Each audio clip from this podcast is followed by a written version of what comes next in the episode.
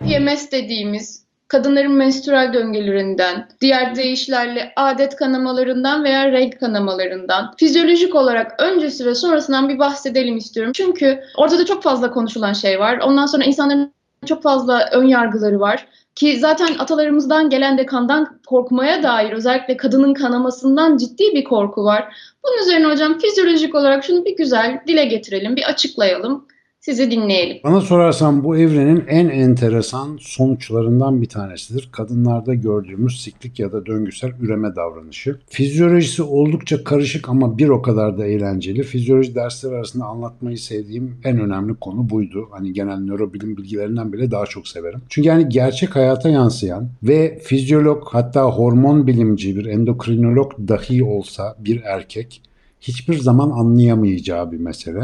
Çünkü içten deneyimlemesi bambaşka olan bir hikaye. Dolayısıyla ben burada kadınların döngüsel ve ruhsal durum değişikliklerinin fizyolojik kökenleri hakkında elimden geldiğince bilgi veririm ama eğer bunu anlıyormuş gibi bir görüntü çizersem Allah'a sığınırım. Yok öyle bir şey. Kainatın en garip hadisesi hani binlerce yıldır bütün düşünürler demiş ki her şeyi anladım da şu kadınları anlayamadım diye altında yatan en önemli meselelerden bir tanesi bu. Bütün memeli canlılarda hemen hemen gördüğümüz bir şeydir yumurtlamanın döngüsel bir şekilde meydana gelmesi gerekir. Bütün mesele üremekle ilgilidir yine. Ve bu yumurtanın döngüsel olma sebebi de şudur.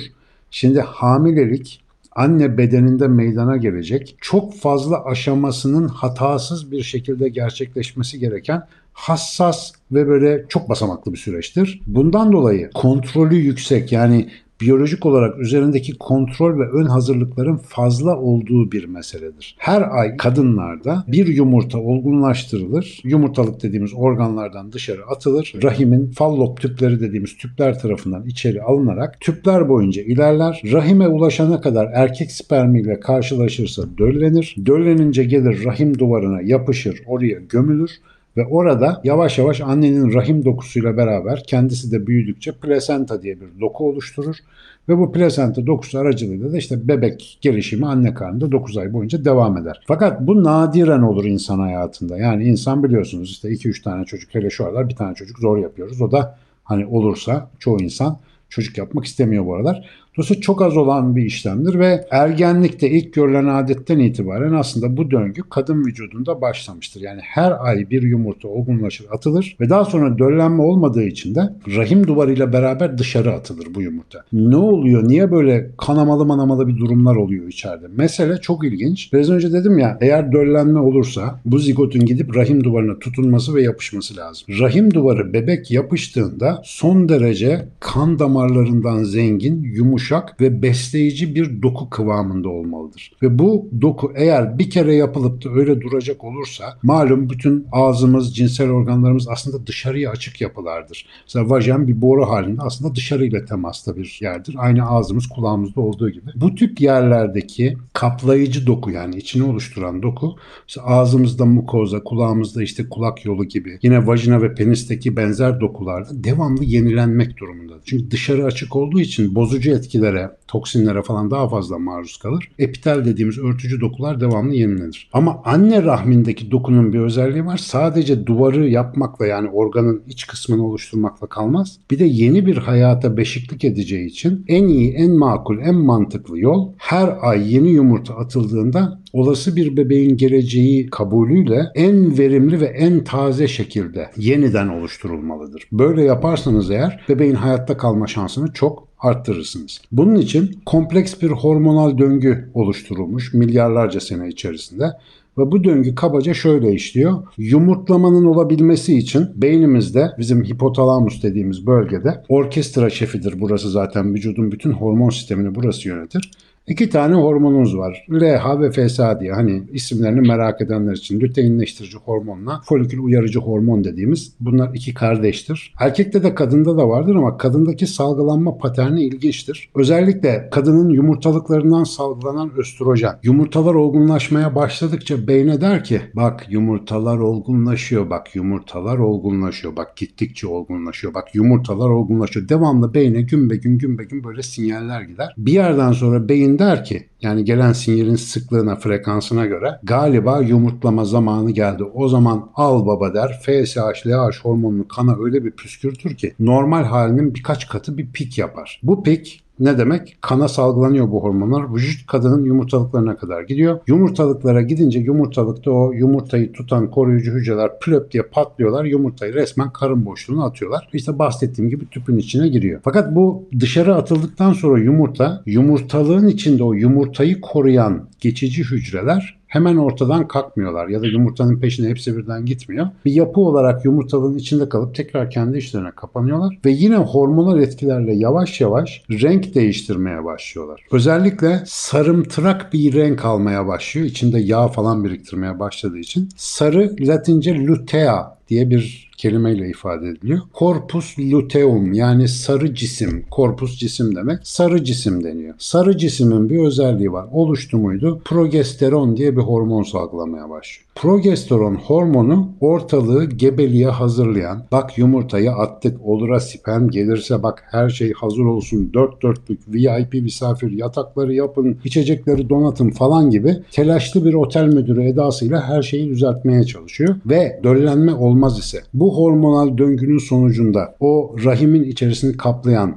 ve ta işte o ilk östrojenin salgılanmasıyla beraber kalınlaşan, yumuşaklaşan, kan damarlarından iyice zengin hale gelen doku yavaş yavaş artık bu performansa dayanamamaya başlıyor. Damarlar başlıyor büzülmeye. Büzülünce rahimin içine kan gitmiyor. Kan gitmeyince o doku ölmeye başlıyor ve yavaş yavaş dökülmeye başlıyor rahimin içine ve vajandan dışarı atılmaya başlıyor. İşte buna biz adet kanaması adını veriyoruz. Damarlı bir doku parçalandığı için de bir miktar kanla beraber dışarı atılıyor. Aslında tabiri caizse işe yaramadığı için o içindeki doku sifon çekilir gibi içeriği temizliyorsun. Bir sonraki ay döngüsünde tekrar ağır ağır yumurtalıklardan salgılanan östrojenle o içeriği yavaş yavaş tekrar tezin etmeye başlıyorsun. Şimdi bu işin fizyolojik kısmı daha çok uzun. Yani o hormonların hepsinin birbiriyle ilişkisi falan biz yani 2-3 saat falan anlatıyoruz. Bu arada bir espri vardır yani Herhalde başka hocalar da yapıyordur. Ben çok söylerim de. Üreme fizyolojisi dersine girdiğimizde şimdi erkek ve kadın üreme sistemini anlatacağız. Önce basit olandan başlayalım. Erkek üreme sistemi bir saatte hallediyoruz. Ama kadın üreme sistemi için gidin bir yatın uyuyun. Dört gün boyunca bunu konuşacağız falan diye. Hakikaten komplike bir mesele. Ama işin fizyolojisi değil esas komplike olan. Senin sorduğun meseleye sebep olan bu hormonların psikolojik etkileri. Şimdi hiçbir hormon tek bir iş yapmaz. Özellikle cinsiyet hormonları biliş üzerine de çok fazla etkili. Mesela erkekte testosteron miktarı yüksek oldu mu suç ve şiddet oranı da otomatikman artar. Çünkü testosteron aynı zamanda saldırganlık vesaire gibi duyguları da dürtüleri de arttıran bir hormondur. Östrojen ise kadında genel olarak benim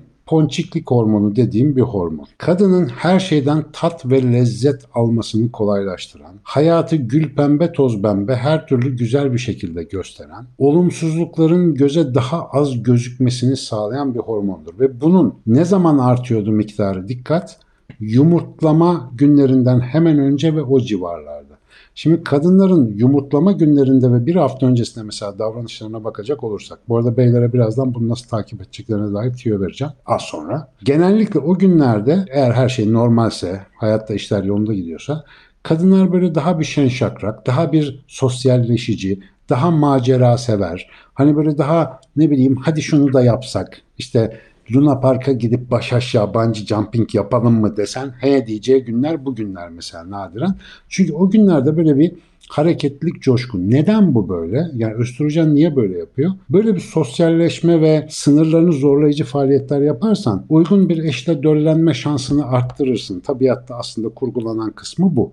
Yani muhtemelen bize geliş hali de bu. Ya, üreme şansını arttırmak üzere acık coşalım evde oturmayalım gibi. Ama işte mesela bu dönemde beylere hep söylüyoruz yani ciklet alsan kadın mutluluktan ölür. Hediyenin kötüsü yoktur mesela bu dönemde. Ha ne yapsam bayılır. Çünkü yani genel olarak söylüyorum tekrar söyleyeyim işler yolundaysa başka bir sıkıntı yoksa hayatta östrojen erkeğin dostu. Hiç problem yok. Ama yumurtlama oldu. Döllenme olmadı. Arkasından spiral arterler daralmaya atılmaya başladı işte. O zaman progesteron dönemi geliyor. Progesteron dönemi çok zor işte. Kadının moralinin yerlere düştüğü, tepesinin attığı sürekli, her şeye kızdığı, hayattan tat lezzet alamadığı falan dönemler bu progesteron dönemleri. Yumurtlamanın hemen sonrasındaki birkaç günden itibaren başlıyor. Zaten yumurtlama 4-5 gündür yani o döllenebilir aralık. Ondan sonra bu dönem başlıyor. Kadına Ferrari alıyorsun rengini beğenmiyor. İşte dünyanın en iyi sözünü söylüyorsun. Diyor ki bu çalıntı sen bunu diyor Cahit Zarifoğlu'ndan almışsın falan filan gibi. Hiçbir yaptığını beğenmeyebiliyor. Çünkü o dönemde kadının tamamen bedensel özellikle üreme sisteminin onarımı için içine çekilmesi, dışarıdan özellikle herhangi bir interaksiyon, özellikle cinsel ilişkiden gelebilecek mikrobik ya da işte infeksiyon yaratıcı ajanlardan uzak kalmaya çalışması makul. Dolayısıyla mesela tıbben sadece hani dini falan bir şey değil bu tıbben adet dönemlerinde genellikle cinsel ilişki önerilmez. Çünkü hani işte o koruma bariyerini kırabilecek bir şeydir bu. Ve o dönemleri kadın genellikle içine kapanarak geçirir. Şimdi bunun 28 günde bir tekrarlandığını ve cinsel üretkenlik boyunca da neredeyse ömür boyu sürdüğünü düşünün. Kadının hayatı zor bir hayat. Biz bilimsel araştırma yaparken ilk en kolay seçeneğimiz araştırmaya denek olarak genellikle erkekleri almaktır. Çünkü kadınları aldığımızda ne zaman ne olacağı belli olmadığı için onun analizi zordur. Mesela daha önce kadın erkek bölümlerinde anlatmıştım. Kadınlara nasıl erkeklerden hoşlanıyorsunuz diye sorduğunuzda cevaplar süper tutarsız gelebiliyor. Yani bir türlü bir ortalama sağlayamıyorsunuz. Ama adet günlerine göre düzeltme yaptığınızda ortaya çok enteresan bir tablo çıkıyor. Yumurtlama günlerinde kadınlar daha ziyade sanatçı, yaratıcı ve hafif anarşist erkekleri severken menstruasyon ve bu işte korunma, kapanma, progesteron döneminde daha çok maço, para babası, kas gücü olan erkekleri tercih ediyorlar. Dikkat ediniz 4-5 gündür sanatçının beğenilme aralığı. Geri kalan maçolara ait dünyanın niye bu halde olduğunu da biraz sanıyorum bu vasıtayla anlayabiliyoruz. Zira hangisinin genini alırsan ne yaparsan elinle o gelir seninle. Bir de bunun tabii bir tarafı var. Ee, onu da söylemem lazım. Şaka bir tarafa. Kadının huzurlu olması, Hani dedim ya biraz önce işler yolunda giderken bu sistem böyle böyle çalışır diye. Kadının eğitimli, huzurlu, varlıklı, hayatının kontrolü elinde haklarına sahip bir hayat sürmesi, bütün bu sistemi son derece sağlıklı yaşayabilmesine ve evladına da, evlatlarına da sağlıklı bir şekilde bu mirası aktarabilmesini sağlıyor. Ama maalesef biz bazen kadının hakkını savunmak adına bazen erkeklerin efendim iktidarını kaybetmemesi için en büyük eziyeti her zaman kadına yapıyoruz. Bu kompleks döngüyü anlayamadığımız için de biliyorsunuz zaman berisinde cadı diye yakılmışlar, bilmem ne olmuşlar. Bir ton tantanaları da yaşamışlar. Ve dediğin gibi kadının yaşadığı bu döngü yaşamın yani insan yaşamının temeli olmasına rağmen kir ve günah olarak yaftalanmış. Ben hayatımda bu kadar aptalca bir insan yorumuyla daha karşılaşmadım. Bu aptalca ama anlaşılabilir bir yorumdur. Zira insan baş edemediğinden, bilmediğinden korkar. Hele ki bu ve biliyorsun biz sevmeyi gizli, cenazeyi aşikar yaparız. Yani biz hayata dair her şeyden utanır, ölüme dair her şeyi yüceltiriz. Bu insan kültürünün ölüm seviciliğinden kaynaklanır. Maalesef çarpık zihnimiz. Halbuki hayatı anlayan, yücelten bir insan kadının ne olduğunu ancak hayatı anlayan birisi anlayabileceği için ancak o zaman bu işlerle ilgili jeton düşecek diye düşünüyorum. Ben iyi ki fizyolog olmuşum, iyi ki bu işlerle uğraşmışım ve iyi ki yıllarca bunun dersini anlatmışım. Hala en büyük hayranlığım bu işte fizyolojik mekanizmalar arasında bu üreme mekanizmasına dairdir. Müthiş bir şey. Yani özet vermeye çalıştım ama inşallah baymamışımdır. Neticede bunu herkesin öğrenmesi gerektiğini düşünüyorum. Tüyo verecektim. Arkadaşlar akıllı telefonlarda iOS, Android uygulamalar var. İndirin. Herhangi bir ay kız arkadaşınızın ya da eşinizin pet satın aldığına falan dair böyle yandan e, aldığınız bilgilerle menstruasyon gününü yazarsanız size bütün şeyi çıkarıyor takvimi. O zaman ne zaman hediye alacağım, ne zaman ayağına basmayacağım, ne zaman bulaşıklara yardım etmem gerekiyor uygulamadan daha iyi takip edebilirsiniz. Hocam bunun yerine belki de düzenli olarak sadece destek olabilirler. Bunun ay döngülerini çok fazla yakalamalarına gerek kalmaz. Böyle de bir bakış açısıyla. Çok doğru söyledin de erkekte bir sorun var. En başta onu anlatmaya çalıştım. Anlamıyoruz ki. Yani evet. döngüsellik bizde olmadığından her gün yaptığını yapıyorsun. Kadın bir gün çok iyi tepki veriyor. Öbür gün hiç tepki vermiyor ya da kızıyor mesela. Diyor abi nedir bu? Yani Cemil diyor ya hallerimiz var bizim. Şimdi erkeğin bunu anlaması çok zor. Dolayısıyla beylerin özellikle burada bir sözüm erkeklere bunu anlamak iyi bir şeydir. Yani bu tabiatın değiştiremeyeceğiniz bir parçası ve nedenleri var. Çok önemli faydaları da var. Bunu anlayabildiğimiz takdirde işler tıkır tıkır gidecek. Bu sayede bizim neslimiz 300 bin yıldır böyle tıngır mıngır dünyadaki bütün arızalı koşullara rağmen üremeye devam ediyor. Ve bu yüzden sırf bu yüzden medeniyet, kültür, inançlar, bütün aklımız, fikrimiz ve zihinsel veri tabanımız kadınlardan çocuklara aktarılıyor. Kadınlar taşır kültürü, erkekler değil. Erkekler belki sanat eserleri üretir bir şey yapar ama çocuğa transfer edilen kültür ağırlıklı olarak anneden gelir. Biz de onların bu döngülerine muhtacız. Dünya Hocam, bile evet. döngülüdür onu söyleyeyim. Gece var gündüz var yani. Bizim öğrencilerimize de özellikle erkek öğrencilerimize okuma ödevinde verdiğimiz bir kitap vardı. Kadının Evrimi.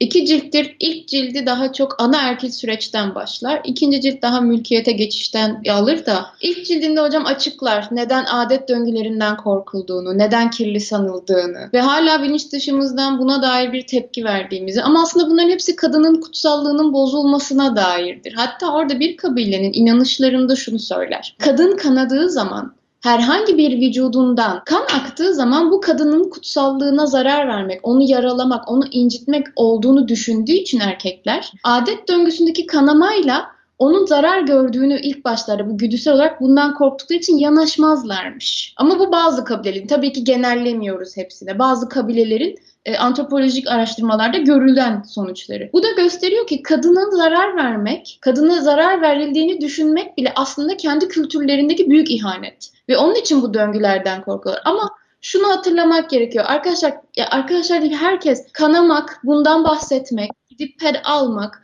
ya bizim fizyolojimizdeki bir şeyi inkar edip bunu saklamaya çalışmak tamamen aykırı olan şey. Hocam biz geceleri uyuduğumuzu söylerken utanmıyoruz. Ama reg döngüsü içinde olduğumuzda Ben bunu söylerken Bütün utanıyoruz. arkadaşlarımıza daha acayip bir şey hatırlatayım mı? Ben bir süredir yani uzunca bir süredir ara ara bunun üstünde düşünüyorum. Bak şimdi yemek yerken ağzımız sulanıyor değil mi? Tükürük ve salya salgıları, yapış yapış bir takım salgılar. İdrar yapıyoruz, dışkılıyoruz, kulağımızın içinde sarı bir takım sıvılar, gözümüzde gözyaşları. Midemizde bir sıvı var, kusunca böcelek diye dışarı çıkıyor. Hababam terliyoruz de devamlı o ter gözükmesin diye. Vücudumuz aslında canlı dokular, ıslak yerlerde yaşar. İnsan olarak bizim kuru ve pürüzsüz görünme çalışmamıza bir de bu açıdan bakın. Yani resmen tabiatımızda çok yoğun ve doğal bir savaş halindeyiz. Şimdi kürkümüz, postumuz bilmem ne çok olmadığı için yani çırçıplak deriyle ortalarda geziyoruz. Vücudun her tarafı vıngır vıngır sıvılar üretirken damarlarımızda güldür güldür kan akarken o düz ve pürüzsüz deriyi özellikle son zamanlarda düz ve pürüzsüz ve kuru tutmak için gösterdiğimiz çaba gerçekten takdire şayan. Mesela gayri ihtiyari yıllardır bunu düşünüyorum. Arkadaşlarla oturursun masada. Birisi tuvalete gider gelir. Gelir ve aynı şekilde döner. Halbuki biraz önce orada ne olduğunu düşünürüm ben sıklıkla. Ya bu insan gider bir sürü müştemilatlı ve gayet nahoş bir sürü iş yapar ama orayı zihnimizden sileriz dikkat ediyor musunuz? Çünkü o biz değiliz gibidir. Diyelim istifra ederiz. Midemizdekini dışarı çıkarırız ama o kazayı bir şeydir. Midemizin içinde öyle asitli, ekşi ve acı bir sıvı olduğunu unuturuz genellikle. Bağırsaklarımızda ancak böyle bir sıkışma ya da bir işte gürültü olduğu zaman bağırsaklarımızın olduğunu fark ederiz. Ama öbür taraftan bağırsaklarımızın içinin gayet nahoş malzemelerle dolu olduğunu, onları sıklıkla dışarı atmak durumunda kaldığımızda fark ederiz. Bu insanın imajıyla kendisine dair rezidüel kalıntı kabulüyle gerçeklerin arasındaki çatışmanın güzel bir ifadesidir. Kendini bilmenin önemli bir parçası bedeninin farkında olmaktır. Bu deri bir örtüdür, bir kapaktır, bir vitrindir. Bunun içinde bir beden var. O beden gerçekten mideniz kaldırıyorsa YouTube'da bile otopsi görüntüleri var izleyebilirsiniz.